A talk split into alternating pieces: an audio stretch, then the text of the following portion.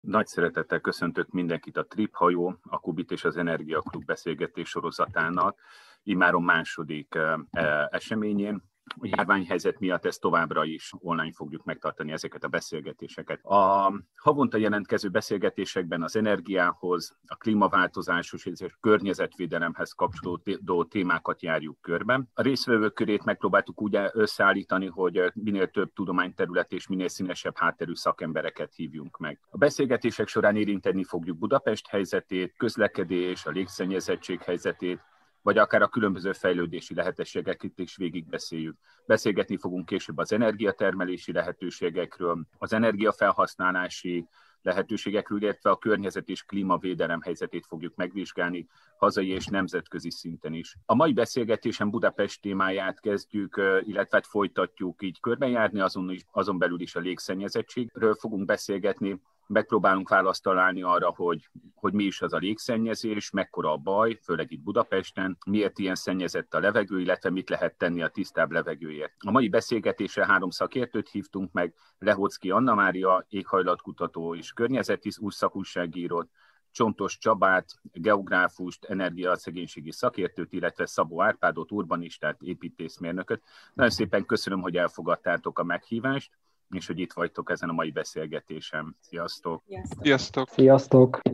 Először talán beszélgessünk arról, hogy az elmúlt napokban egy körbejárta a magyar sajtót. Az EPAJ, az Európai Népegészségügyi Szövetség új jelentése, ebben többek között arról írnak, hogy évente közel 680 ezer forint a kiadásunk a rossz minőségű levegő miatt fejenként. Az Air Quality Life Index szerint egy átlagos magyar 4,3 hónappal ér rövidebb ideig a határértéket meghaladó szállópor koncentráció miatt Sőt, igazából most az elmúlt napokban azt lehetett olvasni, hogy a COVID-járványnak a, a terjedéséhez is hozzájárul a légszennyezettség, és nem csak olyan szinten, hogy akár a, a, a halálos kimenetelű megbetegedések aránya magasabb, hanem akár még mondjuk, mint hordozóként is felmerül a, a szállópornak a helyzete. De ezt hogy látjátok, hogy, hogy tényleg ennyire, ennyire kritikusnak tűnik ez a helyzet, Másik oldalon meg, mint hogyha azt látnám, hogy a sajtóban igazából ez csak ilyen hullámszerűen jönnek elő ezek a témák, hogy, hogy ez hogy lehetséges, hogyha ez ennyire veszélyes és ennyire nagy hatással van a hétköznapjainkra, akkor mégis valahogy így kicsit talán ritkábban beszélünk róla, mint kellene. Ez egy nagyon izgalmas dolog, és, és nagyon igazad van, Gábor, hogy nem eleget beszélünk erről a kérdésről. Annak ellenére, hogy számtalan ember korai elhalálázásához vezet a magas légszennyezettség, nem igazán jelenik meg folyamatosan ez a sajtóban, pedig ott lehetne dörömbölni minden a döntéshozók ajtaján, hogy ezen változtassunk. Úgy is nevezhetnénk a légszennyezettséget, hogy ez a csendes gyilkos, mert megtanultunk, úgymond megtanultunk vele együtt élni, pedig nem lenne szabad, hogy ezt mi szükségszerűnek tekintjük. A Chicagói Egyetemen dolgozták ki ezt az ACLI nevezetű um, Air Quality Life Index nevezetű mutatót, um, ami igazából azért nagyon érdekes, mert azt mutatja meg, hogy a légszennyezettség miatt tulajdonképpen mennyivel rövidül le az embereknek a várható élettartama, tehát ez nem egy olyan, nem egy olyan elvon mutató, ami igazából csak azt mutatja, hogy egy adott határértéket mondjuk mennyiszer haladja meg az adott légszennyező, hanem már egy sokkal inkább kézzelfogható formában fejezi ki, hogy bizony az egészségünkről mennyire káros hatással van a szállókor, és emiatt hány hónapot, esetleg évet veszítünk el az életből és ahogy említetted, egy átlagos magyar közel négy hónapot veszít el az életéből a légszennyezettség, hát egészen pontosan a szállópor koncentráció miatt. Um, igazából Európához viszonyítva ez a mutató ez ilyen szempontból rosszabb, mert egy átlagos európai három hónapot veszít el az életéből, és hát ugye felmerül a kérdés, hogy miért van ez így. Hát nyilvánvalóan amiatt, mert először is az uniós határértékek azok nem elég szigorúak, sem az uniós, sem a nemzeti határértékek. Az egészségügyi világszervezet által ajánlott határértékhez képest ezek magasabbak, és emiatt tulajdonképpen mindannyian folyamatosan egészségkárosító hatások vagyunk kitéve. És egy picit, hogy beszéljünk arról, hogy milyen egészségügyi, milyen egészségügyi hatása van a szállópornak. Ehhez először azt kell tisztázni, hogy milyen részecskék ezek, szállóporba soroljuk a koromrészecskéket, a nitrát, szulfát részecskéket és különböző illékony szerves anyagokat. Na már most, ezeket a részecskéket különböző csoportba szokták sorolni. Vannak a 10 mikrométernél kisebb átmérőjű részecskék, ezeket PM10-nek nevezik, és vannak a két, mikro, két és fél mikrométernél kisebb átmérőjű részecskék, ez a PM2.5. Az összes szállópor részecske rendkívül káros az ember légúti, tehát légzőszerveire, irritálja a nyálkahártyát, és belélegezve tulajdonképpen további, további módokon roncsolja az ember egészségét, megnöveli az asztma kockázatát, és az egész napról részecskék, a 2,5 mikrométernél kisebb részecskék, azok egészen a tüdő belsejébe lejutnak, és onnan nagyon nehezen ürülnek ki, vagy pedig ki se ürülnek, illetve mivel olyan parányák ezek a részecskék, képesek bejutni a véráramba is, ezáltal roncsolják az érfalakat, magas légnyomást okoznak, légnyomást, vérnyomást okoznak, hozzájárulnak a szívinfarktus kockázatához, szívroham kockázatához, és így be is zárult a kör, már értjük, hogy a légszennyezés miatt miért rövidül le a várható élettartam. Hirtelen nagyon beleugrottunk a közepébe a, a, a témának, viszont akkor már maradjunk egy, még egy picit itt, hogy, hogy ez a, a maga a szennyezett levegő, az mennyire általános egy adott városban, vagy mennyire függ időjárástól, vagy, vagy mondjuk évszaktól, ugye nem tudom, hogy a smogot például mennyire tudnánk most ide behozni ennek a különböző fajtáit, és mondjuk ezt, hogyha erről tudsz egy kicsit még mesélni, az nagyon jó lenne, főleg mondjuk mondjuk ilyen, ilyen budapesti szempontból, hogy mondjuk mi az, ami nálunk jellemző. Igen, abszolút. Igazság szerint a smog helyzet a meteorológiában azokra a helyzetekre vonatkozik, amikor bizonyos légszennyezők feldúsolnak, jobban feldúsolnak a levegőben. Mi általánosságban a köznyelvben, amikor a szennyezett levegőről beszélünk, hajlamosak vagyunk azt mondani, hogy smog van a levegőben, de valójában meteorológiai szempontból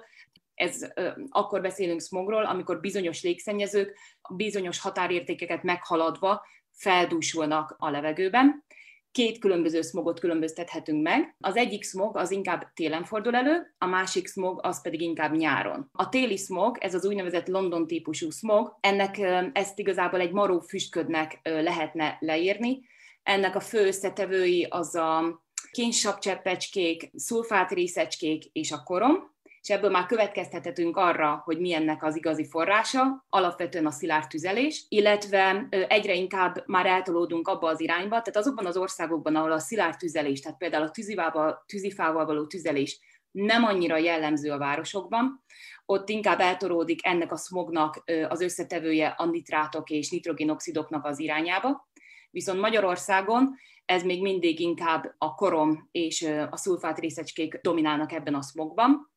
És hát igazából ennek a kialakulásához a hideg, párás, téli reggelek kedveznek, és elsősorban azokban az időjárási helyzetekben alakul ki, főleg Budapesten, amit úgy nevezünk, hogy hideg légpárnás helyzet. Ez az a helyzet, amikor a hideg levegő beül a Kárpát-medencébe, és úgynevezett hőmérsékleti inverzió alakul ki,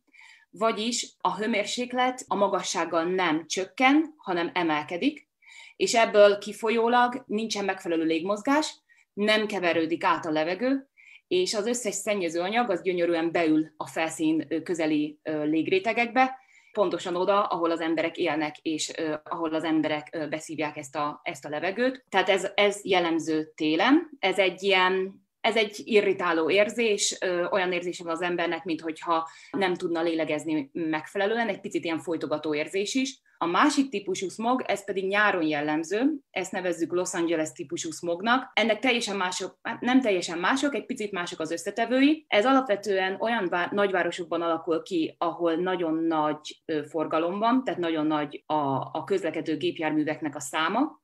és olyan időjárási viszonyok között jellemző, amikor nagyon erős a besugárzás,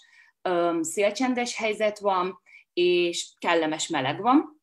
Ilyenkor ugyanis a gépjárművek kipufogójából származó nitrogén-oxidok, azok a levegőben kémiai reakcióba lépnek,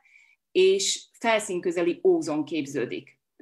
Na már most az ózon az megint csak egy rendkívül egészségroncsoló gáz. Annak ellenére, hogy a stratoszférában levő ózon az megvédi a földi életet ugye az UV-sugárzástól, A felszín közeli ózon az nem ez a kategória, nem nagyon akarjuk belélegezni azt az ózont. Ez szintén légúti megbetegedésekhez vezet, szintén növeli az aszmának a kockázatát, és különböző allergiáknak a, a kockázatát, illetve a növényeket is roncsolja, ugyanis gátolja a fotoszintézist.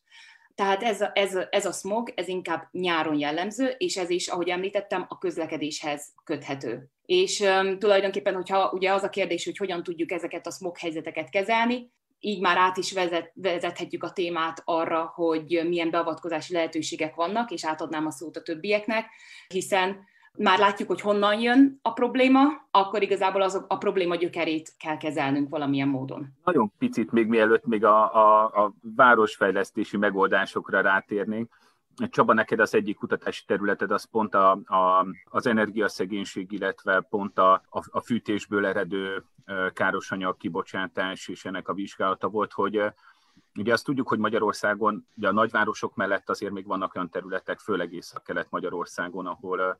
ahol elég rossz minőségű a levegő, főleg ugye ez a, ez a London smog jellemző, mondjuk például a Solyó völgye. Ráadásul te még csináltál is egy, egy, ilyen, egy ilyen kutatást, a, ha nem is ott, hanem egy kicsivel arrébb a bükkalján, hogy ezt hogyan látod különben itt a város és vidék helyzetét, illetve a, a fűtési helyzetet Magyarországon, vannak-e javulások, milyen, milyen, hogyan írnád le ezt a, ezt a helyzetet? Hát ez egy kifejezetten nehéz kérdés eh, abban az értelemben, hogy, hogy ahogy megjön a fűtési szezon, rögtön érződik a levegőben, hogy, hogy mindenki elkezdett befűteni. Ez ilyen törvényszerű és eh, állandóan ismétlődő folyamat, és nem is biztos, hogy szerencsés amúgy elválasztani a várost és a vidéket állandóan ez, a, ez az összehasonlítási alap, de sajnos az a tapasztalatom, hogy akár itt, ahol én lakom Óbudán, a kertvárosi részek felé, akár Dunakeszin a prosperáló agglomerációban, akár a Bükkalján megta, meg tapasztalhatjuk ezt a jelenséget, a kellemetlen fűszagot, és, és ugye ez elsősorban a szilárd tüzelés hatása, illetve a helytelen szilárd tüzelés hatása, és hát itt sajnos sok esetben mindent kell érteni a tüzelés alatt, szóval ami éppen a, a háztatások kezeügyébe kerül, az sajnos a tűzre megy. Ennek ugye nagyon sok és mély oka van, és ugye az energiaszegénységet már szóba hoztad, szóval alapvetően energiaszegénységnek nevezzük azok, vagy energiaszegény háztartásoknak nevezzük azokat, amelyek nem képesek megengedni maguknak azt, hogy megfelelő szintű életminőséget biztosítsanak, így a fűtést és vagy más energiaszolgáltatásokat ki tudjanak fizetni, és ugye eljön az a pillanat, amikor el kell dönteni, hogy tejet veszünk a boltban, vagy befűtünk, és ez egy nagyon-nagyon kényes téma. Ez, ez, a, ez is olyan, mint a légszennyezettség, az energiaszegénység, hogy így velünk van, tudunk róla, egyre inkább bekerül a, a médiába, egyre felkapottabb téma, és az Európai Unió is egyre inkább hajtja és nyomja, hogy ezt a, ezt a fajta szegénységet, ezt a fajta kitettséget próbáljuk megcsökkenteni, de ha megkérdezünk egy átlagembert, akkor, akkor tízből lehet, hogy kilenc azt mondja, hogy soha nem hallotta ezt a fogalmat, ami elég nagyon, vagy hát eléggé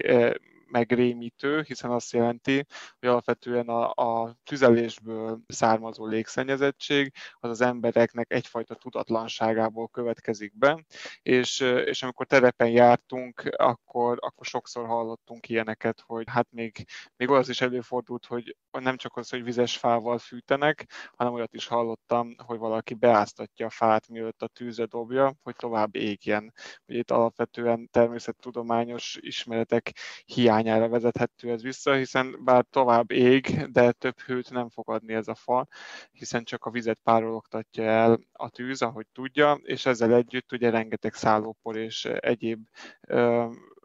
rákot okozó anyag kerül a levegőbe, és ez nagyon-nagyon drasztikusan meglátszik. Szóval a Sajó völgyébe, vagy a, a bükkajai falvakban, amelyek völgyben fekszenek télen, elképesztő fotókat lehet készíteni erről a füstködről. Szóval igazából, ha, ha a Budapest meg a vidék az ilyen szempontból egymás szinonimája, mind a két földrajzi térben megfigyelhető ez a jelenség, és Budapesten a, a, a külvárosi részekben, nyilván nem a belvárosban, mert ott a gáztüzelés domináns, ez egyértelmű, de a külvárosi részekben elképesztő mennyiségű fát használnak fel, illetve illetve olyan energiahordozókat, amelyek légszennyező anyagokat tartalmaznak égetés során. Szóval, hogy ez, ez mindenhol jelen van, és itt a problémát azt jelenti, hogy egy háztartás, hogyha így fűt, akkor az nem csak az ő háztartásukra veszélyes, hanem az egész utcára lényegében, vagy ha olyan a helyzet az egész falura. Szóval, hogy, hogy amikor azt gondoljuk, hogy ez minket nem érint, mert mi nem vagyunk energiaszegények, mi rendesen gázzal fűtünk, jobb helyeken ugye már megújuló energiával, őszivattyúval, hát mi mindent megteszünk. Tulajdonképpen egy kollektív felelősségvállalást kéne tennünk, hiszen ha a szomszédunk gondban van, ha látjuk, hogy fekete füst jön ki a kéményéből, akkor nem biztos, hogy fel kell jelenteni, hanem lehet, hogy először fel kell ajánlani a segítséget, hogy, hogy hogyan, vagy, vagy egy valami tanácsadást adni, hogy azt ugye tudod, hogy ezzel nem csak magadat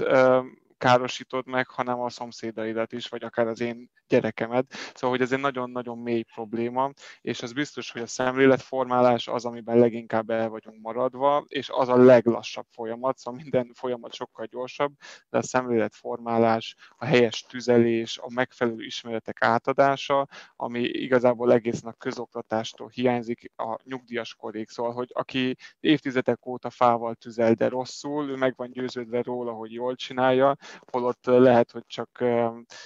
pár mozdulatot kéne megváltoztatni, például, hogy hogy, hogy gyújt be, az olajos rongyot véletlenül se használjuk katalizátorként például a begyújtás során, de ennek nagyon-nagyon komoly, mély társadalmi gyökerei és, és szociális vonulata is van. Te hogyan látod ezt, mindezt ilyen városfejlesztési szempontból, ezek hol, hol jelentkeznek, mik azok a területek, ahol igazából mondjuk egy egy város saját maga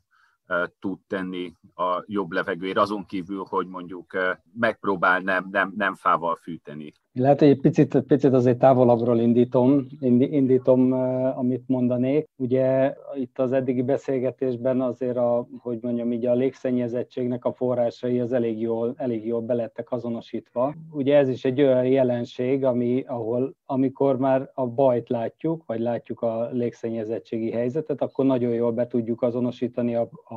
a jelenséget. Még akár látjuk azt is ennek a káros hatásait, de rögtön, amikor ugye a megoldás felé kell mozdulni, akkor látjuk, hogy egészen komplex, sokrétű rendszerek vannak e mögött, amiknek vannak saját, saját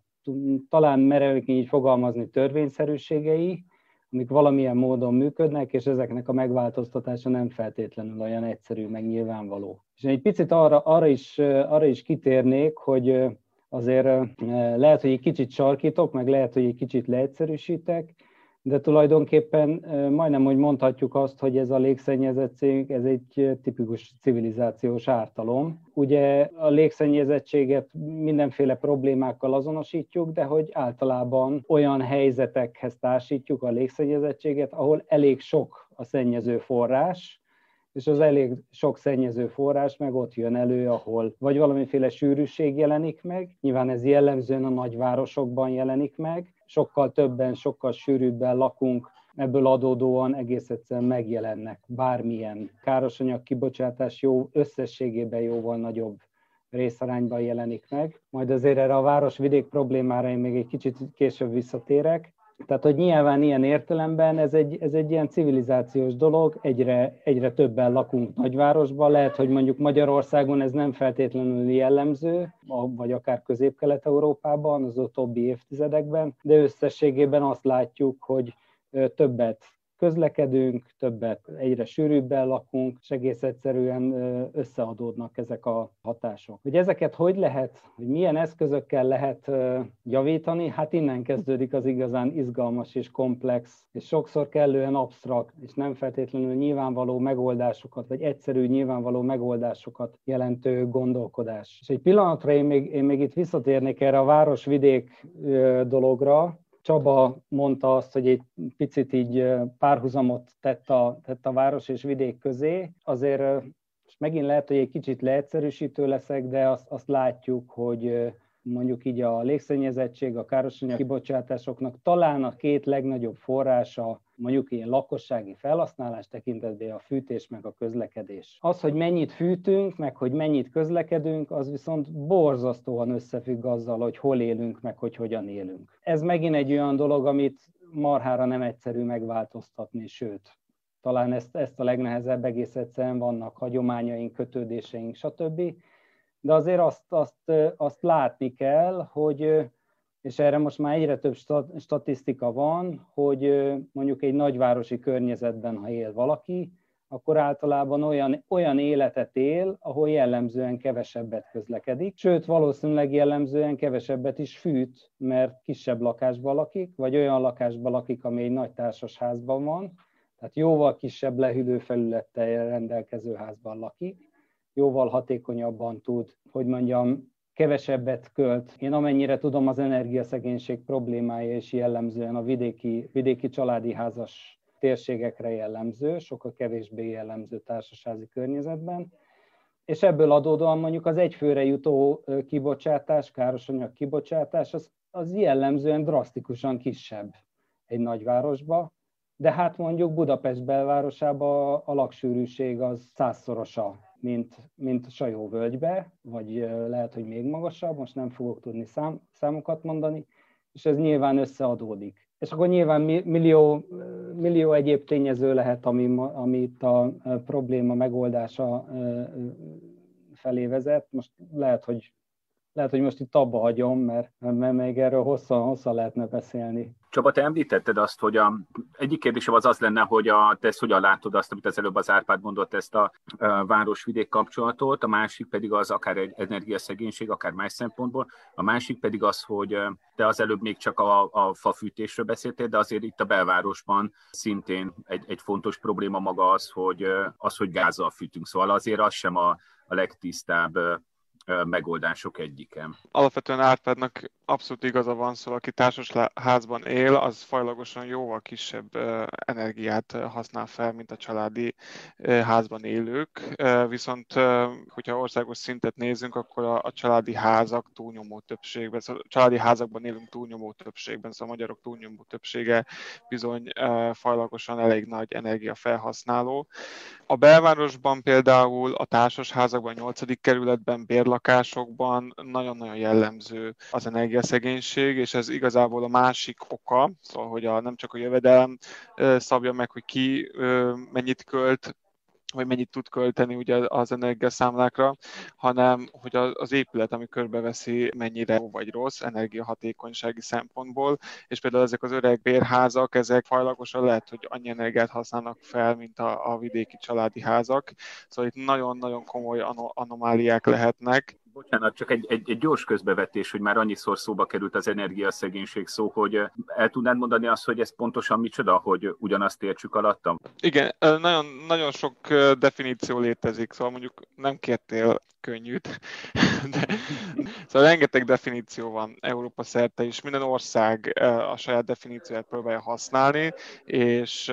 mindenki máshogy próbálja megfogni. Ennek az az oka, hogy nincs egy exakt indikátor, ami alapján be tudjuk sorolni, hogy ez a háztartás ezért és ezért energiaszegény, ez pont, ez tudományosan alátámasztható. Most folynak kutatások, lengyel, brit kutatások és magyar egyetemi kutatások is vannak, amit ezt próbálják meghatározni. A, a Habitatnak jött ki az ország jelentés, a lakhatási jelentés pár héttel ezelőtt, és ők egész pontosan úgy fogalmazták meg, és nagyjából ezt próbáltam az elején is elmondani, de, de készültem ezzel a definícióval, meg gondoltam, hogy rákérdezel. Szóval egy háztartást akkor nevezünk energiaszegény, szegénynek, ha nem képes megfizetni a fűtés, vagy az alapvető energiaszolgáltatásokhoz, a szolgáltatások olyan szintjét, amit a tisztességes életminőséghez szükséges. És akkor ebben nagyon sok mindent beleértünk, de alapvetően az látszik, hogy a, az alsó három jövedelmi tizedben élők, élő embereknek több mint 20%-a nem képes kifűteni az otthonát megfelelő hőmérsékletre.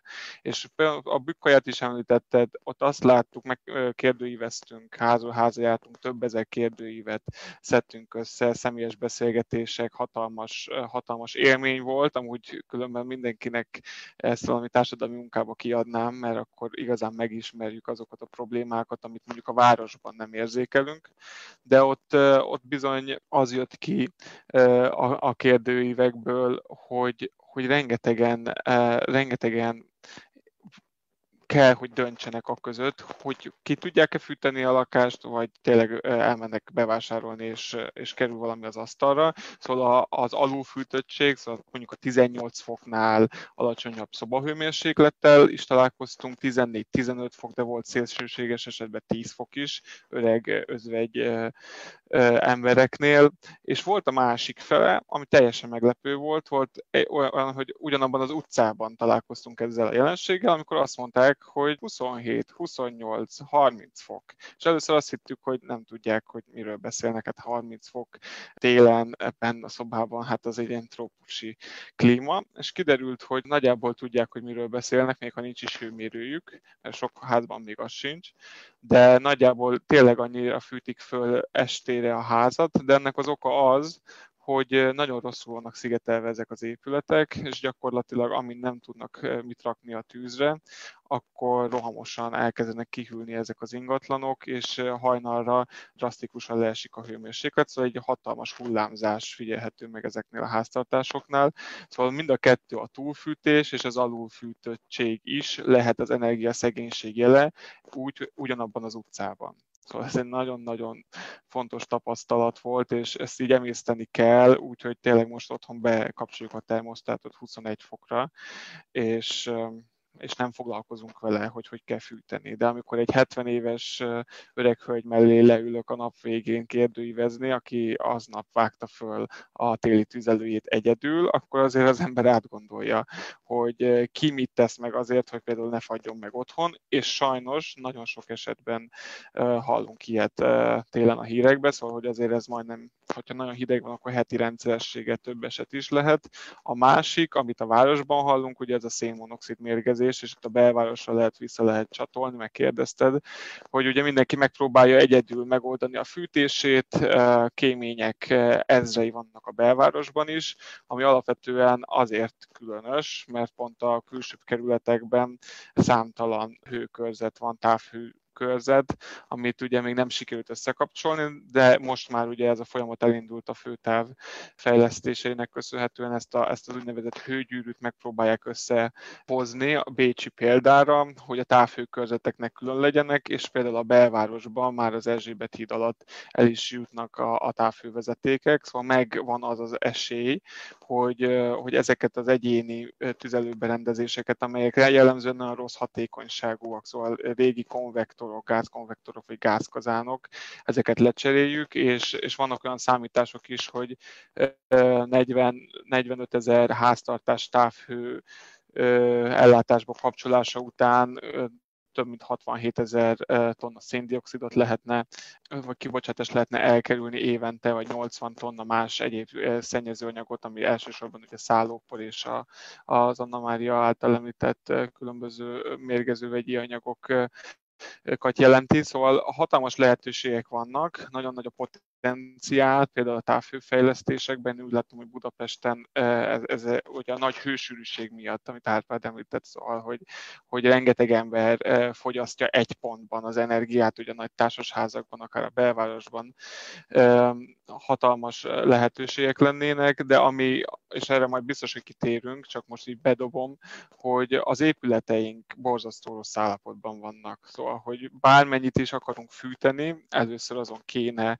elgondolkodni, hogy a, hogy a szemléletformálás már, már feljött, de a szemléletformálás mellett konkrét, kézzelfogható beavatkozásokat miként lehet akár Budapesten, akár vidéken, a társasházakban, illetve a családi házas övezetekben megvalósítani, hogy jóval kevesebbet kelljen fűteni, mert ez nyilvánvalóan bármivel fűtünk, ha kevesebb energiát eh, igényelünk, akkor a légszennyezettség is eh, szignifikánsan csökkenni fog. Lehet, hogy én reagálok úgy beszélgetünk, az a lényeg, nem? Ugye, hogy beszélgessünk. Nem, szerintem nagyon, nagyon jó volt, amiket mondtál, Csaba, nagyon, nagyon szuper jó volt.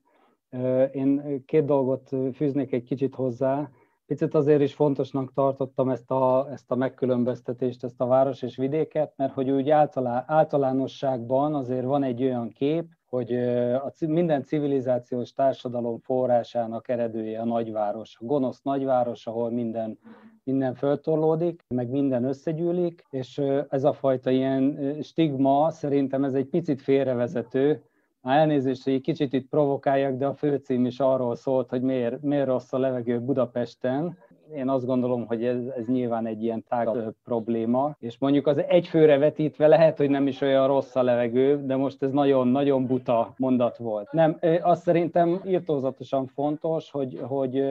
nyilván azért is kell Budapestről beszélni, mert hogy itt rengeteg ember lakik, és hiába alacsonyabb fajlagosan a károsanyag kibocsátás, összességében sokkal több embernek az életminőségére van negatív hatással. És emiatt is borzasztó fontos szerintem, amit mondtál, én lehet picit azt látom, meg a olvasmányaimból azt látom azért, hogy, hogy, hogy egy ilyen, még egy budapesti 8. kerületi téglatársasházban élő ember is kevésbé kiszolgáltatott szociálisan, egész egyszerűen a, még a hiába energia szegény kevésbé már kiszolgáltatott helyzetben, mint aki Sajóvölgybe lakik, de inkább, inkább arra kanyarodnék vissza, hogy szerintem amiatt borzasztó fontos az, amiket mondtál, hogy kevésbé hatékony gázfűtés, ami lehet, hogy még mind mindig jobb ugyan, mint a textil hulladékot égetni társadalmi elmondott helyzeten, mert egész egyszerűen Budapesten nagy sűrűségből adódóan egyrészt rendelkezésre is áll infrastruktúra, amivel javítani lehet a helyzeten. Másrészt, hogyha valami bármiféle ilyen infrastruktúra kiépül, akkor sokkal-sokkal nagyobb hatékonysággal lehet sokkal nagyobb hatást kifejteni, nem csak az itt élő másfél vagy 1,7 millió embernek az életminőségére, hanem általánosságban, akár országos szinten is, mert hogy azért mégiscsak egy csomó dolog összeadódik. Szerintem itt a légszennyezés kapcsán, most beszélhetünk itt már rögtön akár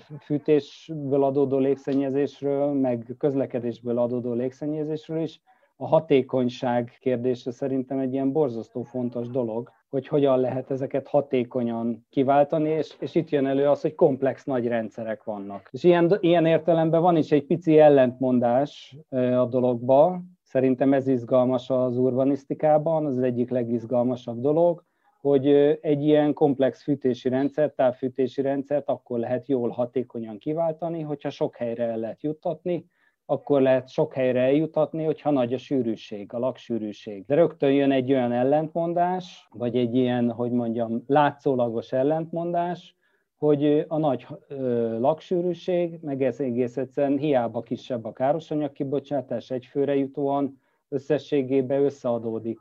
és akár káros, összességében káros végeredményt is eredményezhet.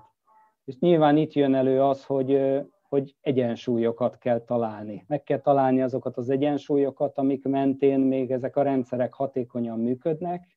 Hatékonyan működik mondjuk például a tömegközlekedés, ami kiváltja az egyéni közlekedésnek a károsanyag kibocsátását, de közben pedig egy olyan lakókörnyezet van, ami kellően tágas, kellően szellős ahhoz, hogy légmozgások vannak, van egy olyan növényzet, ami nem csak az életminőséghez járul hozzá, hanem a károsanyag megkötéséhez, stb. Tehát, hogy itt, itt van, van egy ilyen, hogy mondjam, dolog, vagy egy ilyen történet a dologban. Abszolút egyetértek, és, és közben, miközben uh, beszéltél, azon gondolkodtam, hogy vajon a nézők értik-e, hogy miért mondjuk azt, hogy a távhő jó. Mert most felkértek egy előadásra az eltén, ami gyerekeknek szólt, egy rajzpályázat diátadójához kapcsolódóan, és én, én az előadásba beleraktam ezeket a távfős gondolatokat, mert ez a kutatási területem is a, a, a táj és környezet földezi tanszéken az eltén, és, és visszajött a komment, hogy nagyon jó a videó, de, de hogy hagyj kérdezzék meg, de miért raktam be a távfőt, hát ez nem, nem jó. Szóval, hogy a városi ember, akár a budapesti emberek fejébe az, az él, az a régi um, 80-as, 70-es, 80-as évek technológiája, hogy a távfővel ugye úgy lehetett fűteni, hogy kinyitjuk a panelház ablakát, és akkor úgy, úgy volt 25 fok. Szóval, hogy, hogy ez egy nagyon furcsa dolog, hogy hogyan lehet, le, lehet szexivé tenni a távfőt, és ezt hál' Istennek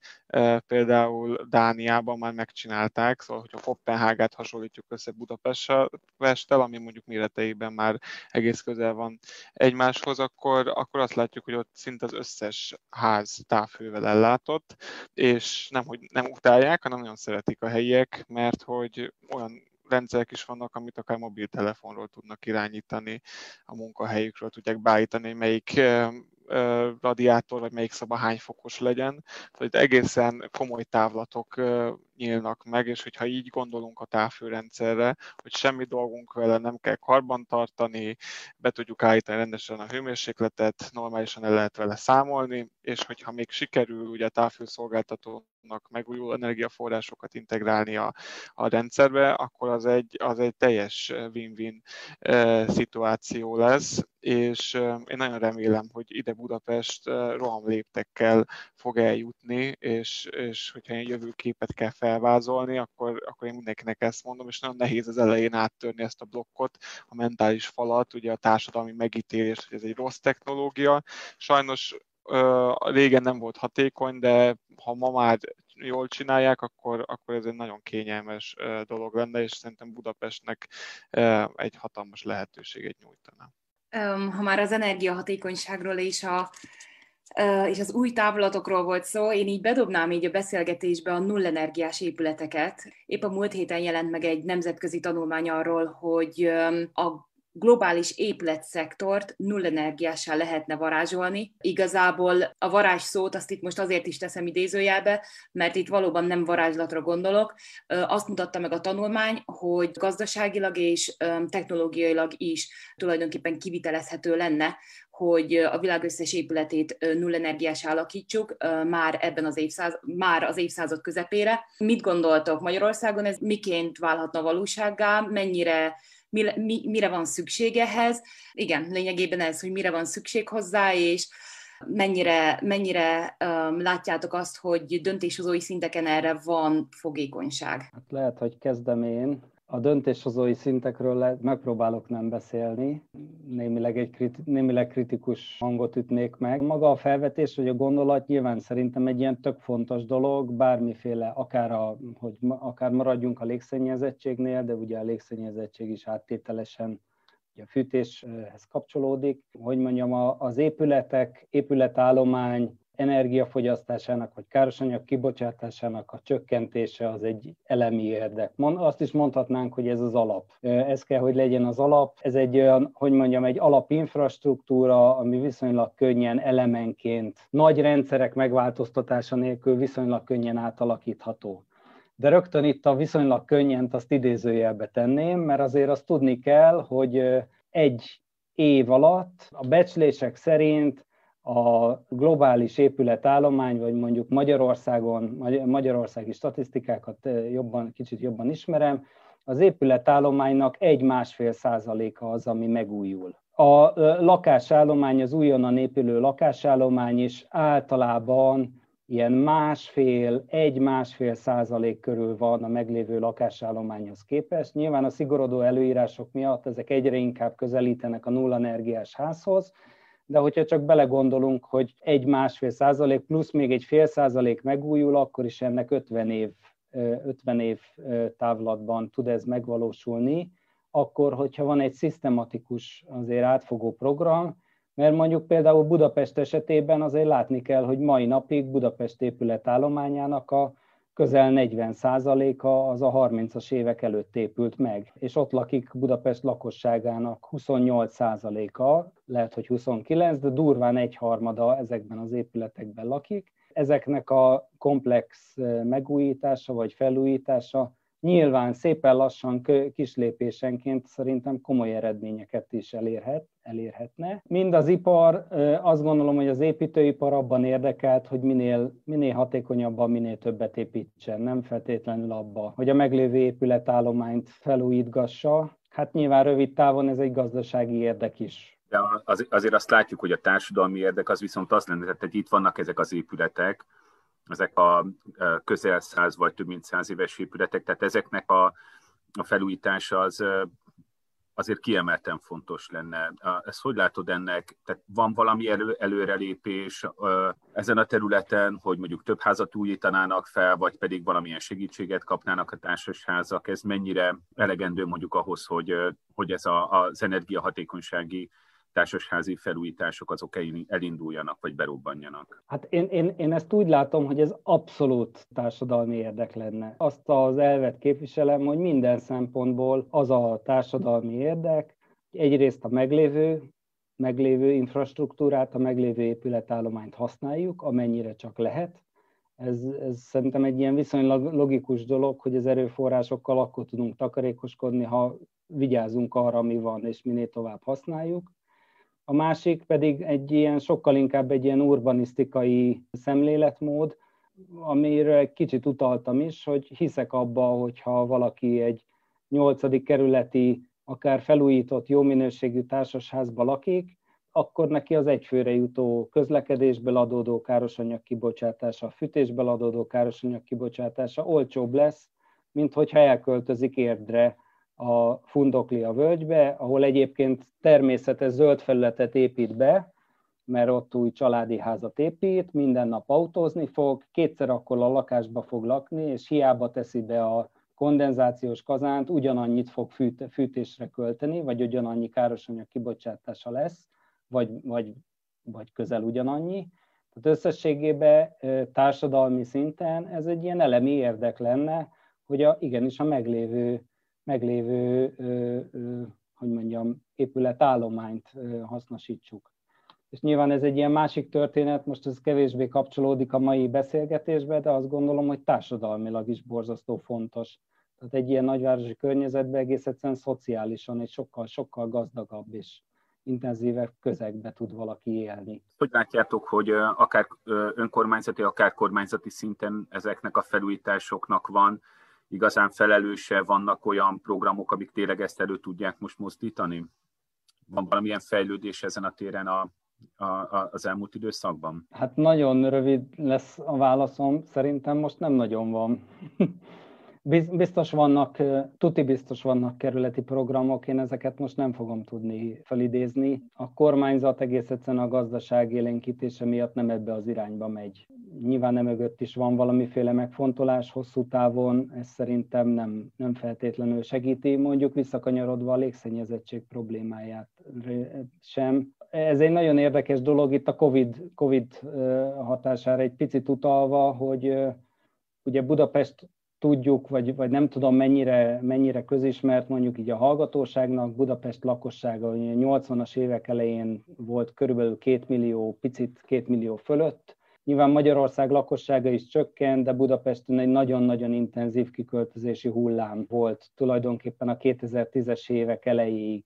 közepéig Ugye a 2000-es évek elejétől ez már lassult, de gyakorlatilag ez megállt az utóbbi időszakban. Nagyjából kiegyenlítődött a kiköltözőknek, a beköltözőknek a száma. Most már az ingatlanpiaci elemzések azt mondják, hogy, ez, hogy a, a COVID hatására, hogy mindenki a saját kertjébe szeretne élni, újra beindult egy ilyen kiköltözési hullám, ami hát mondjuk a, szerintem a légszennyezettségre sem lesz jó hatással, mert hogy annyival többen fognak autóba ülni minden, nap, minden napok szintjén. Mert hogy hiába, hiába van online óra az általános iskolába, azért bevásárolni csak be kell menni, meg nem valószínű, hogy ott dolgoznak a szülők. Különböző városoknak különböző légszennyezettségi problémákkal kell szembenéznünk. Anna Mari, te az elején mondtad azt, hogy milyen típusú szmogok jellemzőek Budapest Budapesten,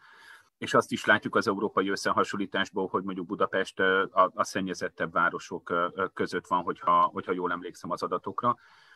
Hogy ez mennyire speciális mondjuk Budapestnek a helyzete éghajlati vagy, vagy elhelyezkedési szempontból, vagy ez inkább azt lehet mondani, hogy mondjuk a túlzott felhasználásnak illetve a túlzott károsanyag kibocsátásnak a, a, a következménye. Mindenképpen közrejátszik benne Budapestnek az elhelyezkedése. Ugye egyik oldalról hegyek övezik, és azért ez mindenképpen hozzájárul ahhoz, hogy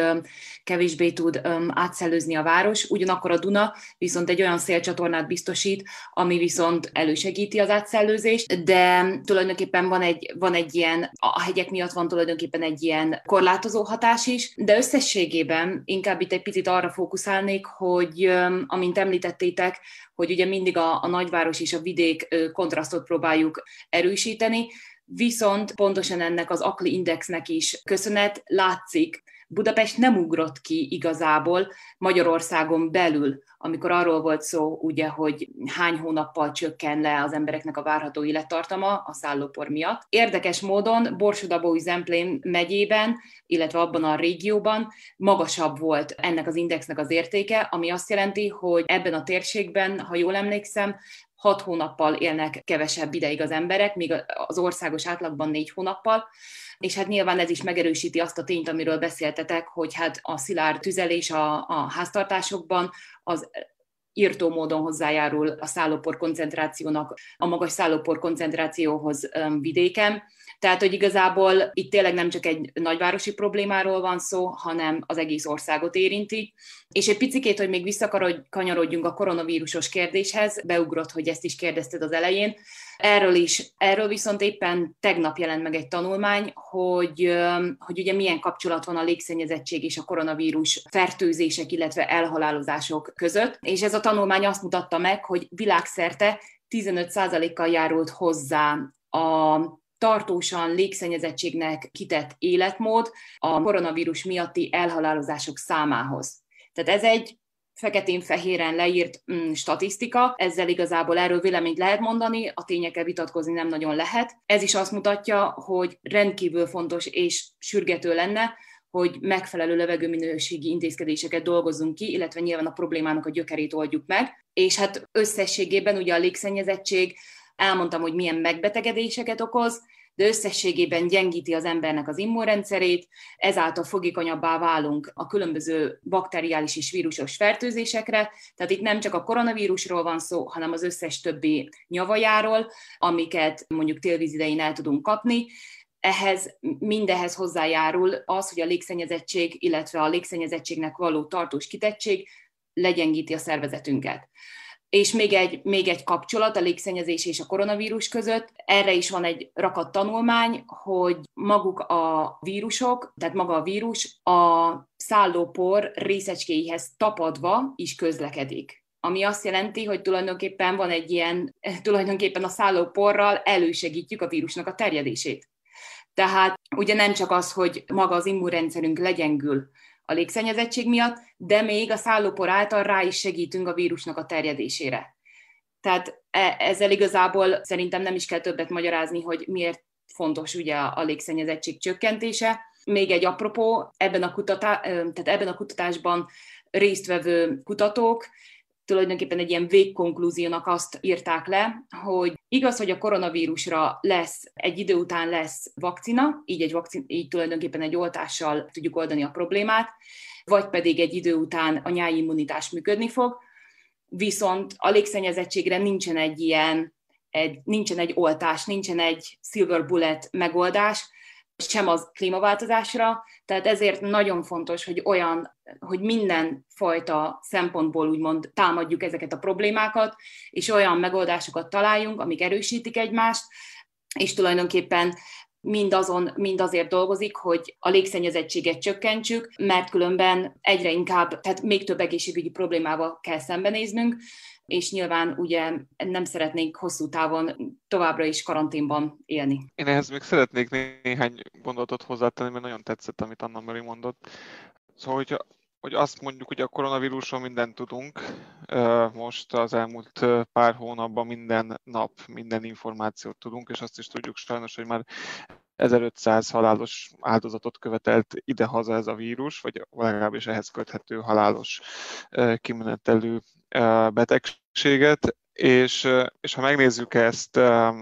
2019-es tanulmány tükrében, ami azt mutatta, hogy a légszennyezettség okozta közvetett halálozás, az körülbelül, hát ugye ez egy tólik határ, de 15-21 ezer fő Magyarországon, akkor itt hatalmas, szóval még nincs vége az évnek, és reméljük ez a 1500 fő nyilván nem fog annyit nőni, de hát akkor is itt nagyságrendi különbségről beszélünk, ami, ami azt jelenti, hogy ez a, az a közel 20 ezer ember, ez igénybe vette ugye az egészségügyi szolgáltatórendszert, szóval externális költséget okozott a légszennyezettség, hiszen ők vizitre jártak, különböző vizsgálatokat kellett elvégezni rajtuk, és akár lélegeztetőgépre is kellett rakni vírustól függetlenül őket egy később kialakuló krónikus szövődmény miatt. Szóval az látszik, hogyha a légszennyezettséget így az épület energetikai felújításokkal, a szemléletformálással, akár a távhőfejlesztéssel érdemben tudjuk csökkenteni, akkor hatalmas mennyiségű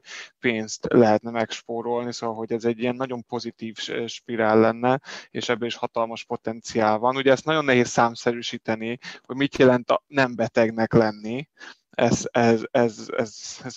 ez ha sikerült volna, már rég megcsinálta volna a, a közgazdász elit, ez biztos, nagyon bonyolult számítások, de most már számba kell venni, nem lehet elmenni mellette, ugyanez vonatkozik amúgy a klímaváltozás externális hatásaira is, és amúgy volt egy mondat, ami megütötte a fülemet, még áprilisban egy kórházigazgató nyilatkozta, hogy milyen jó ez a március meg az április, mert hogy alig van adótsága a kórházaknak. Hát azért, mert nem jártak az emberek kórházba, ugye mindenki otthon ült, a vizsgálatok elmaradtak. Szóval ez, ezt mutatja meg az a jövőt, hogyha sikerül a légszennyezettségtől mondjuk megszabadulnunk a következő pár évtizedben, akkor a hatalmas változások jönnek az egészségügyben is, és tömegek maradnak majd otthon, ami nagyon pozitív és kedvező lesz. Szóval, hogy ilyen hatalmas, hatalmas összefüggések vannak ebben a kérdéskörben, és, és abszolút egyetértek Anna Marival. Anna a, a minden ilyen költség,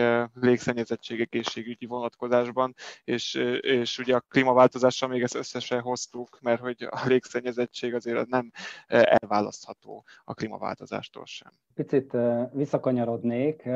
Budapest adottságaira kérdeztél rá, Gábor ugye én település, település tervezőként, urbanistaként azért ugye a városok térbeliségével foglalkozom leginkább, és azt kell, hogy mondjam, hogy mondjuk a légszennyezettségre vonatkozóan igazából én, én azt hiszem, hogy ami leginkább hatással van az, amire már utaltam, hogy hogyan élünk. Ennek ellenére azért azt tagadhatatlan, és vannak ilyen nagyon fontos alapelvek, amik nyilván befolyásolják, vagy befolyásolhatják egy településnek a légszennyezettségét, vagy hogy, hogy mennyire marad meg ott a légszennyezettség. Ugye az talán köztudott, hogy ugye Magyarországon az uralkodó szélirány az az észak, észak, észak-nyugati, jellemzően majdnem, hogy mondhatjuk azt, hogy az ország 90%-a, ország területének 90%-án, majd Anna Mari kijavít, hogyha pontatlanul mondom, de hogy ez, ez önmagában előrevetít egy olyat, hogy van egy ilyen, vannak ilyen logikus ökölszabályok, hogy mondjuk egy nagyobb, ha egy nagyobb károsanyag kibocsátású valamit, ipari üzemet kell elhelyezni, akkor az jellemzően település déli, dél, délkeleti végében legyen elhelyezve, mert hogy ott van kevésbé direkt hatása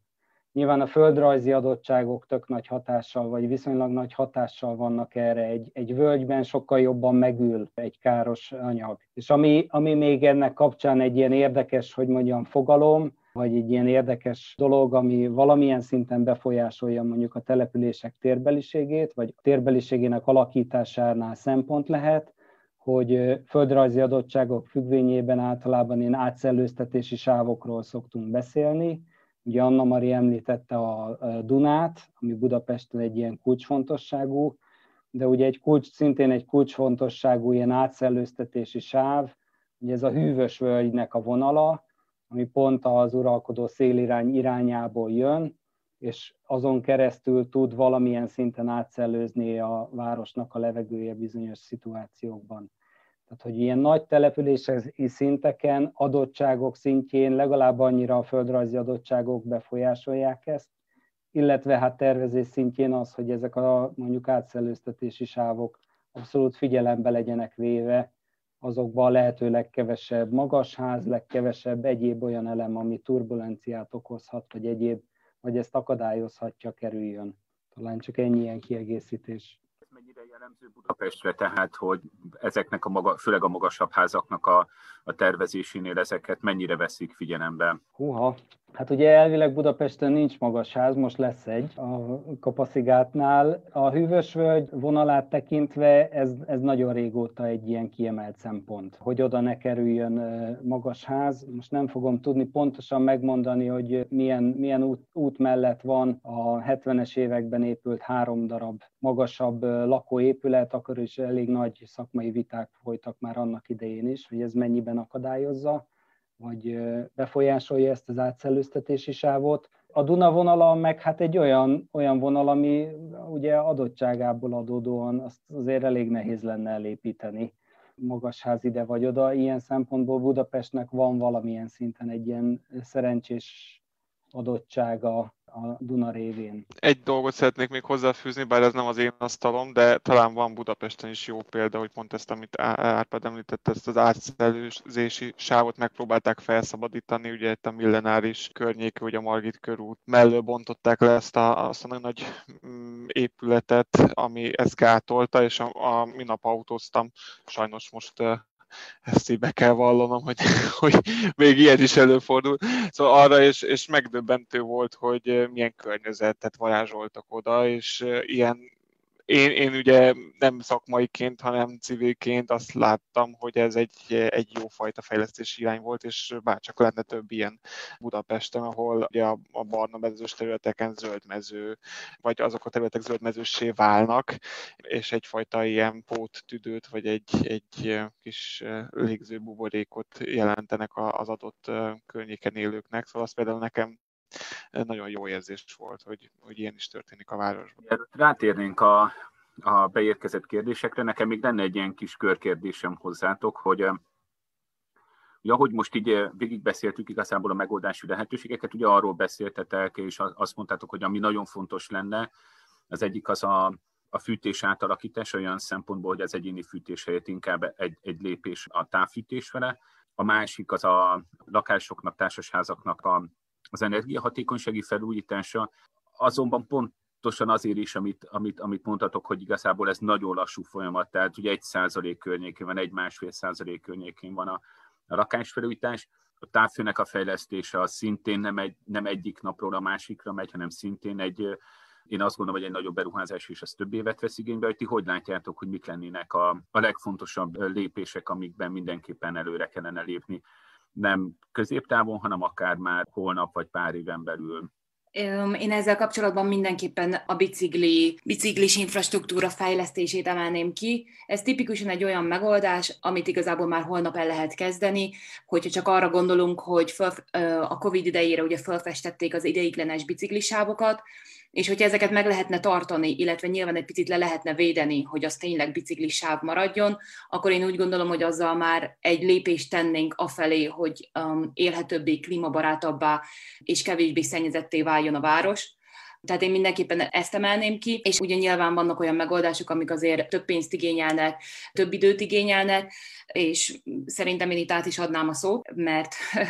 ez a ti asztalotok. Én, én gyorsan lecsapok egy labdát, ami, ami engem nagyon bosszant, hogy nem így történik, főleg a, szóval amikor fűtési eh, szezon közelít, szóval közeleg a tél, akkor én azt szeretném, hogyha minden óriás plakáton, vagy legalább minden ötödiken, és az összes TV reklámban, az összes rádió reklámban kötelezően megjelennének szemléletformáló anyagok bármivel kapcsolatban, ami a, akár a fűtés, fűtéssel kapcsolatos, a levegőszennyezettséggel kapcsolatos, hogy mit tehet a fogyasztó, mit tehet a budapesti, akár a távhővel fűtött lakásban élő, akár a társasházban egyéni fűtéssel rendelkező, akár a város szélén családi házban élő. Szóval mindegyikre lehetne kommunikációs kampányokat indítani, amelyeket folyamatosan meg kéne ismételni, és folyamatosan ezek pozitív kampányok kellene, hogy, hogy legyenek, és az emberek tudatába elásni jó mélyen, hogy, hogy mit lehet tenni egyéni szinten, mert ezer dolog van,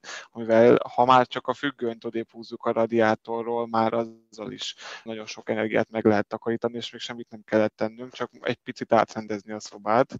vagy mondjuk tényleg karbantartót hívni, és, és a kémint kitisztítatni. Ez is egy olyan, olyan lép lépés, de tényleg vannak ilyen nulla forintos megoldások, és én ezt, ezt hiányolom, hogy ezt ezeket a felületeket mindenhol körbevesz, a, a közösségi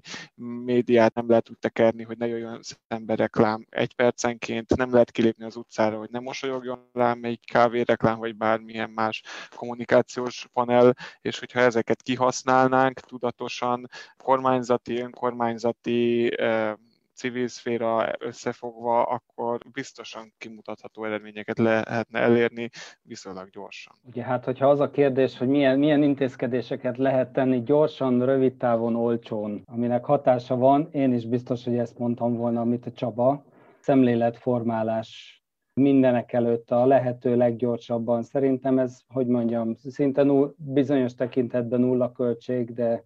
Nyilván az ilyen típusú szemléletformálás, amit itt te mondtál, de az oktatás is. Tehát, hogy ezek olyan, olyan témák, légszennyezettség, környezet, éghajlatváltozás, környezeti fenntarthatóság, aminek tananyagnak kéne lennie, azt gondolom, egy technika vagy környezet órán. És nyilván ebbe ezt nagyon tágan, nagyon sokféleképpen lehet értelmezni.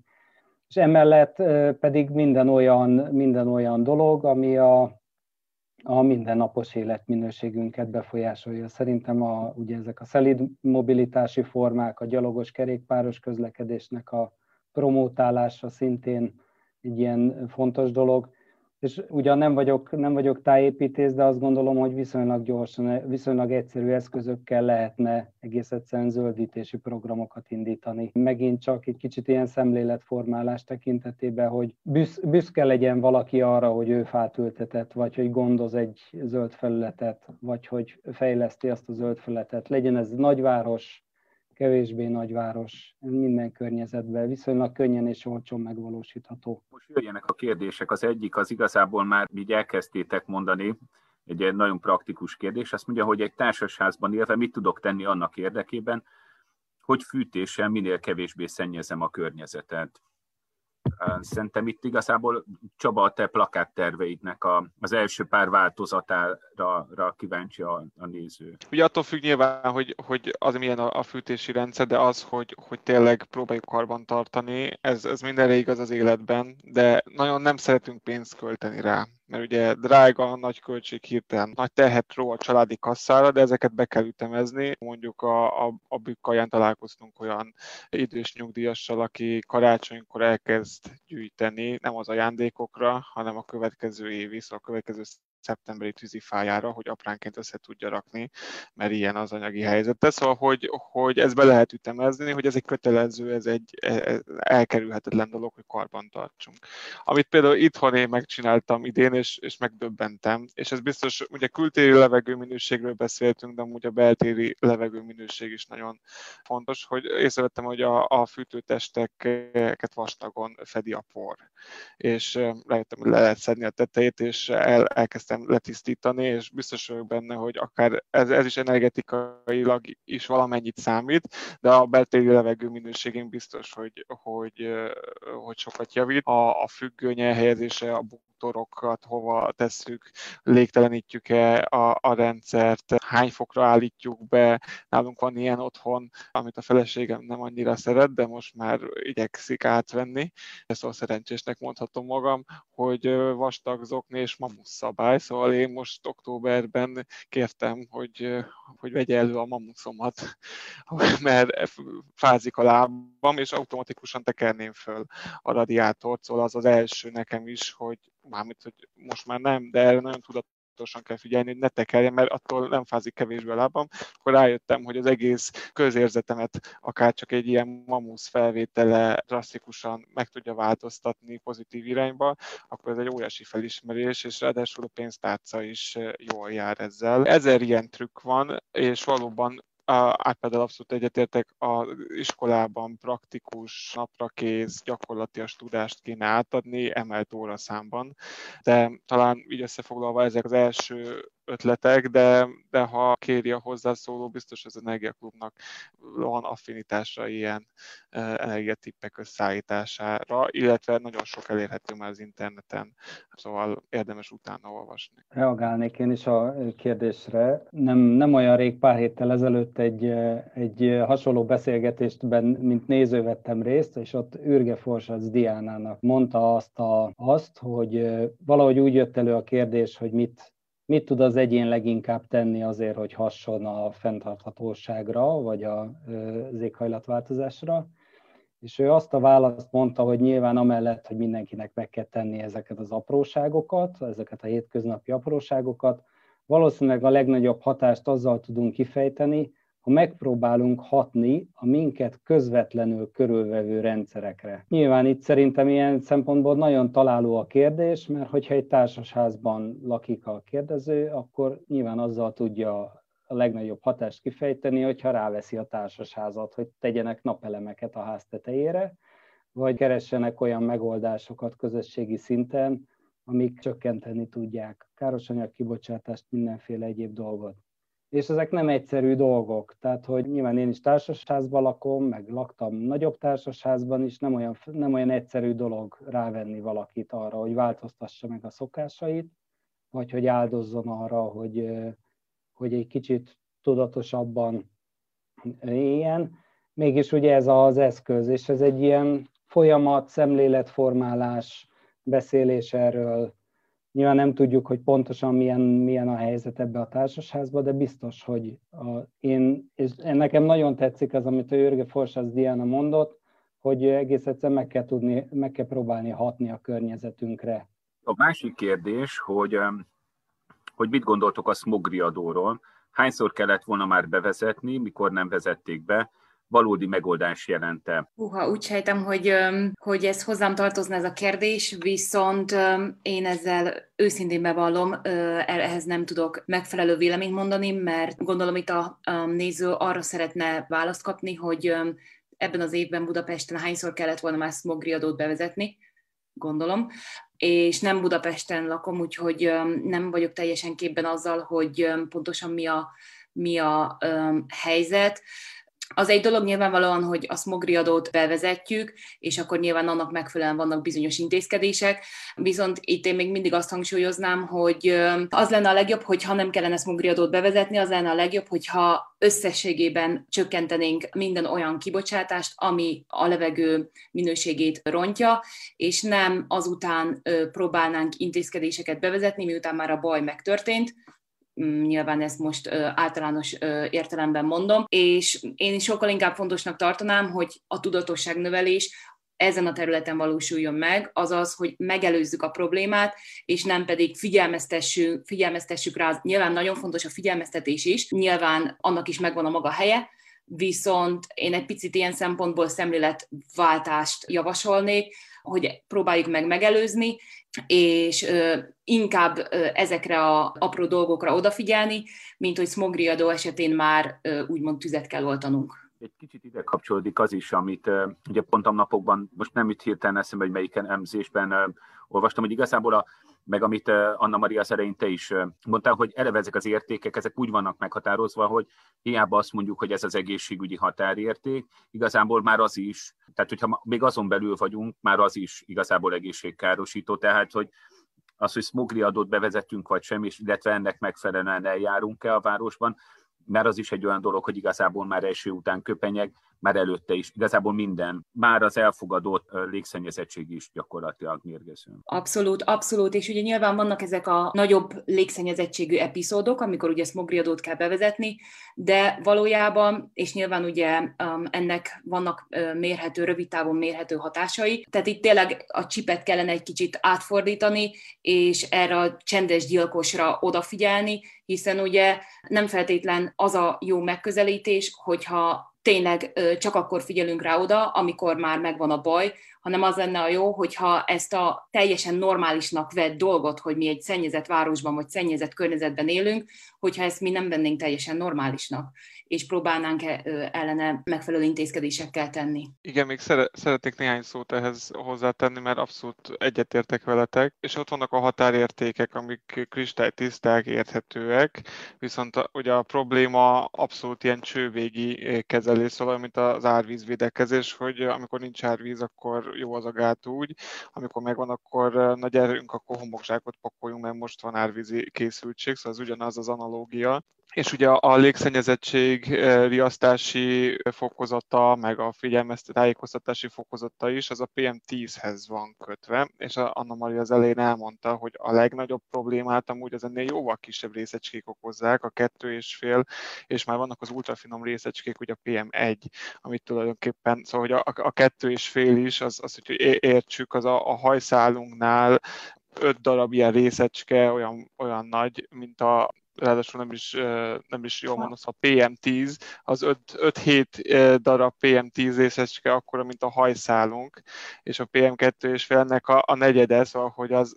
szóval elképesztően kicsi dolgokról beszélünk, ez az, amikor nem tudjuk felfogni, szóval, hogy ez, ez, ez nekem például nem, nem felfogható, azért gondoltam, hogy a hajszálas példát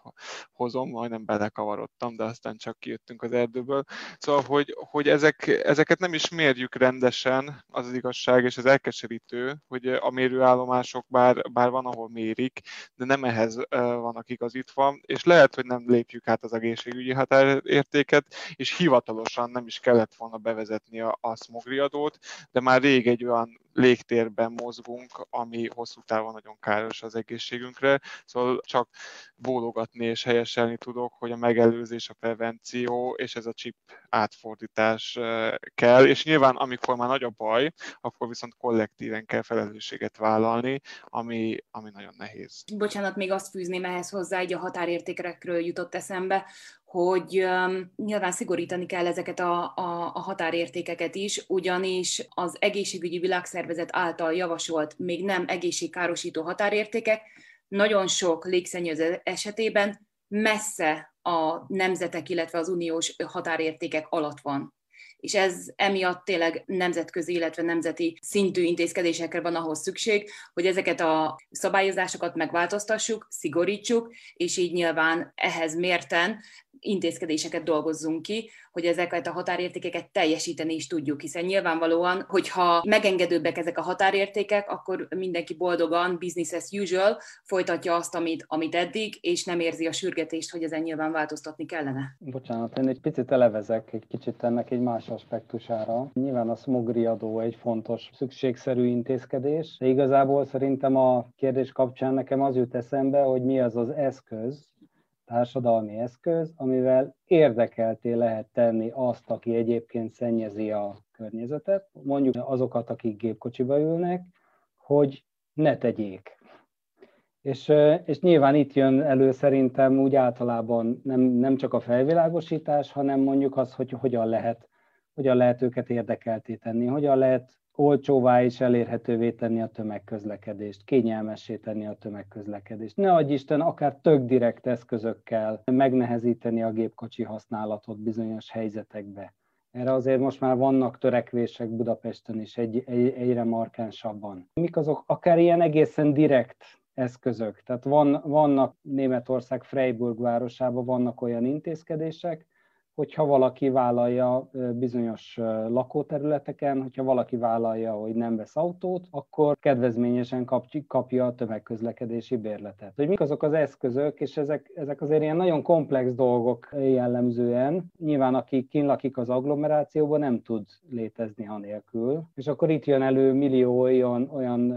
komplex összefüggésrendszer, ami igazából komplexé, érdekessé teszi ezt a dolgot, de valahogy ezeken a motivációs eszközökön kellene legalább annyira gondolkodni szerintem, mint valószínűleg az is szükséges, hogy szigorítsuk ezeket a határértékeket. Abszolút, én is ezt gondolom, és erre egy, egy gyors példa a biciklizésnek a támogatása, hogy nagyon sok nyugat-európai országban ugye adó visszatérítést vagy, vagy munkáltatói kedvezményt kap az, aki igazoltan biciklivel jár munkába, és minél nagyobb távolságot tesz meg, annál nagyobb ennek a, a mértéke. Szóval ez egy nagyon egyszerű ösztönző lehet, és hát nagyon sokakat a pénztárcánál lehet megfogni fogni, és hát az egy, tényleg az egy, egy szuper dolog, hogy bebiciklizem, megvan az aznapi mozgás, pipa, mondjuk ha Dunaparton megyek végig, az, az gyönyörű, szóval az is pipa, ráadásul nem szennyezem a, a környezetet, ez is pipa, megspórolok egy csomó pénzt, mert az autót, meg akár a tömegközlekedést sem kell használnom, az is pipa, és ráadásul még pénzt is kapok érte,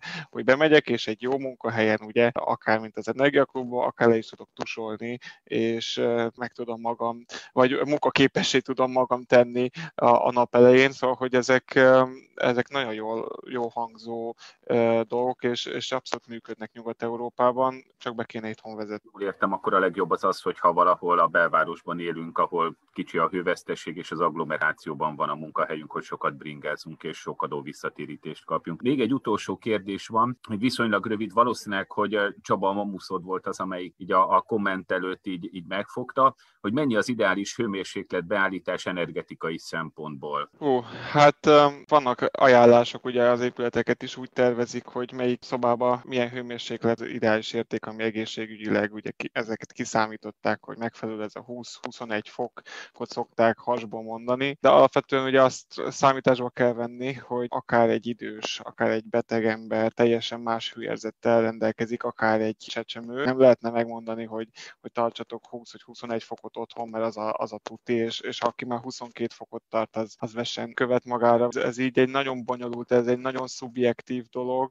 Az már többször kiszámították, hogy azért egy fok különbség nagyjából 6% energia megtakarítás jelent, hogyha nyilván lefele megyünk. De nagyon sokan, szóval vannak tényleg házaspárok, aki az egyik a 25 fokba szeretne aludni, a másik a 18-ban, szóval hogy még akár családon belüli konfliktusok forrása is lehet a termosztát csavargatása, de az, az biztos, hogy azért ez a 20-22 fokos tartomány, ha energetikailag nézem, az normális nappal, és hogyha ha 18-20 fokot mondok éjjel a hálószobába, azzal se lövök nagyon mellé. Annyira embere válogatja, hogy ezt nem merném így kijelenteni minden esetben. Nagyon szépen köszönöm, hogy elfogadtátok a meghívást, és itt voltatok. Az Energiahajónak a következő eseménye az november végén várható. Témával, illetve a résztvevőkkel nem sokára jelentkezünk. Köszönjük szépen mindenkinek a figyelmet.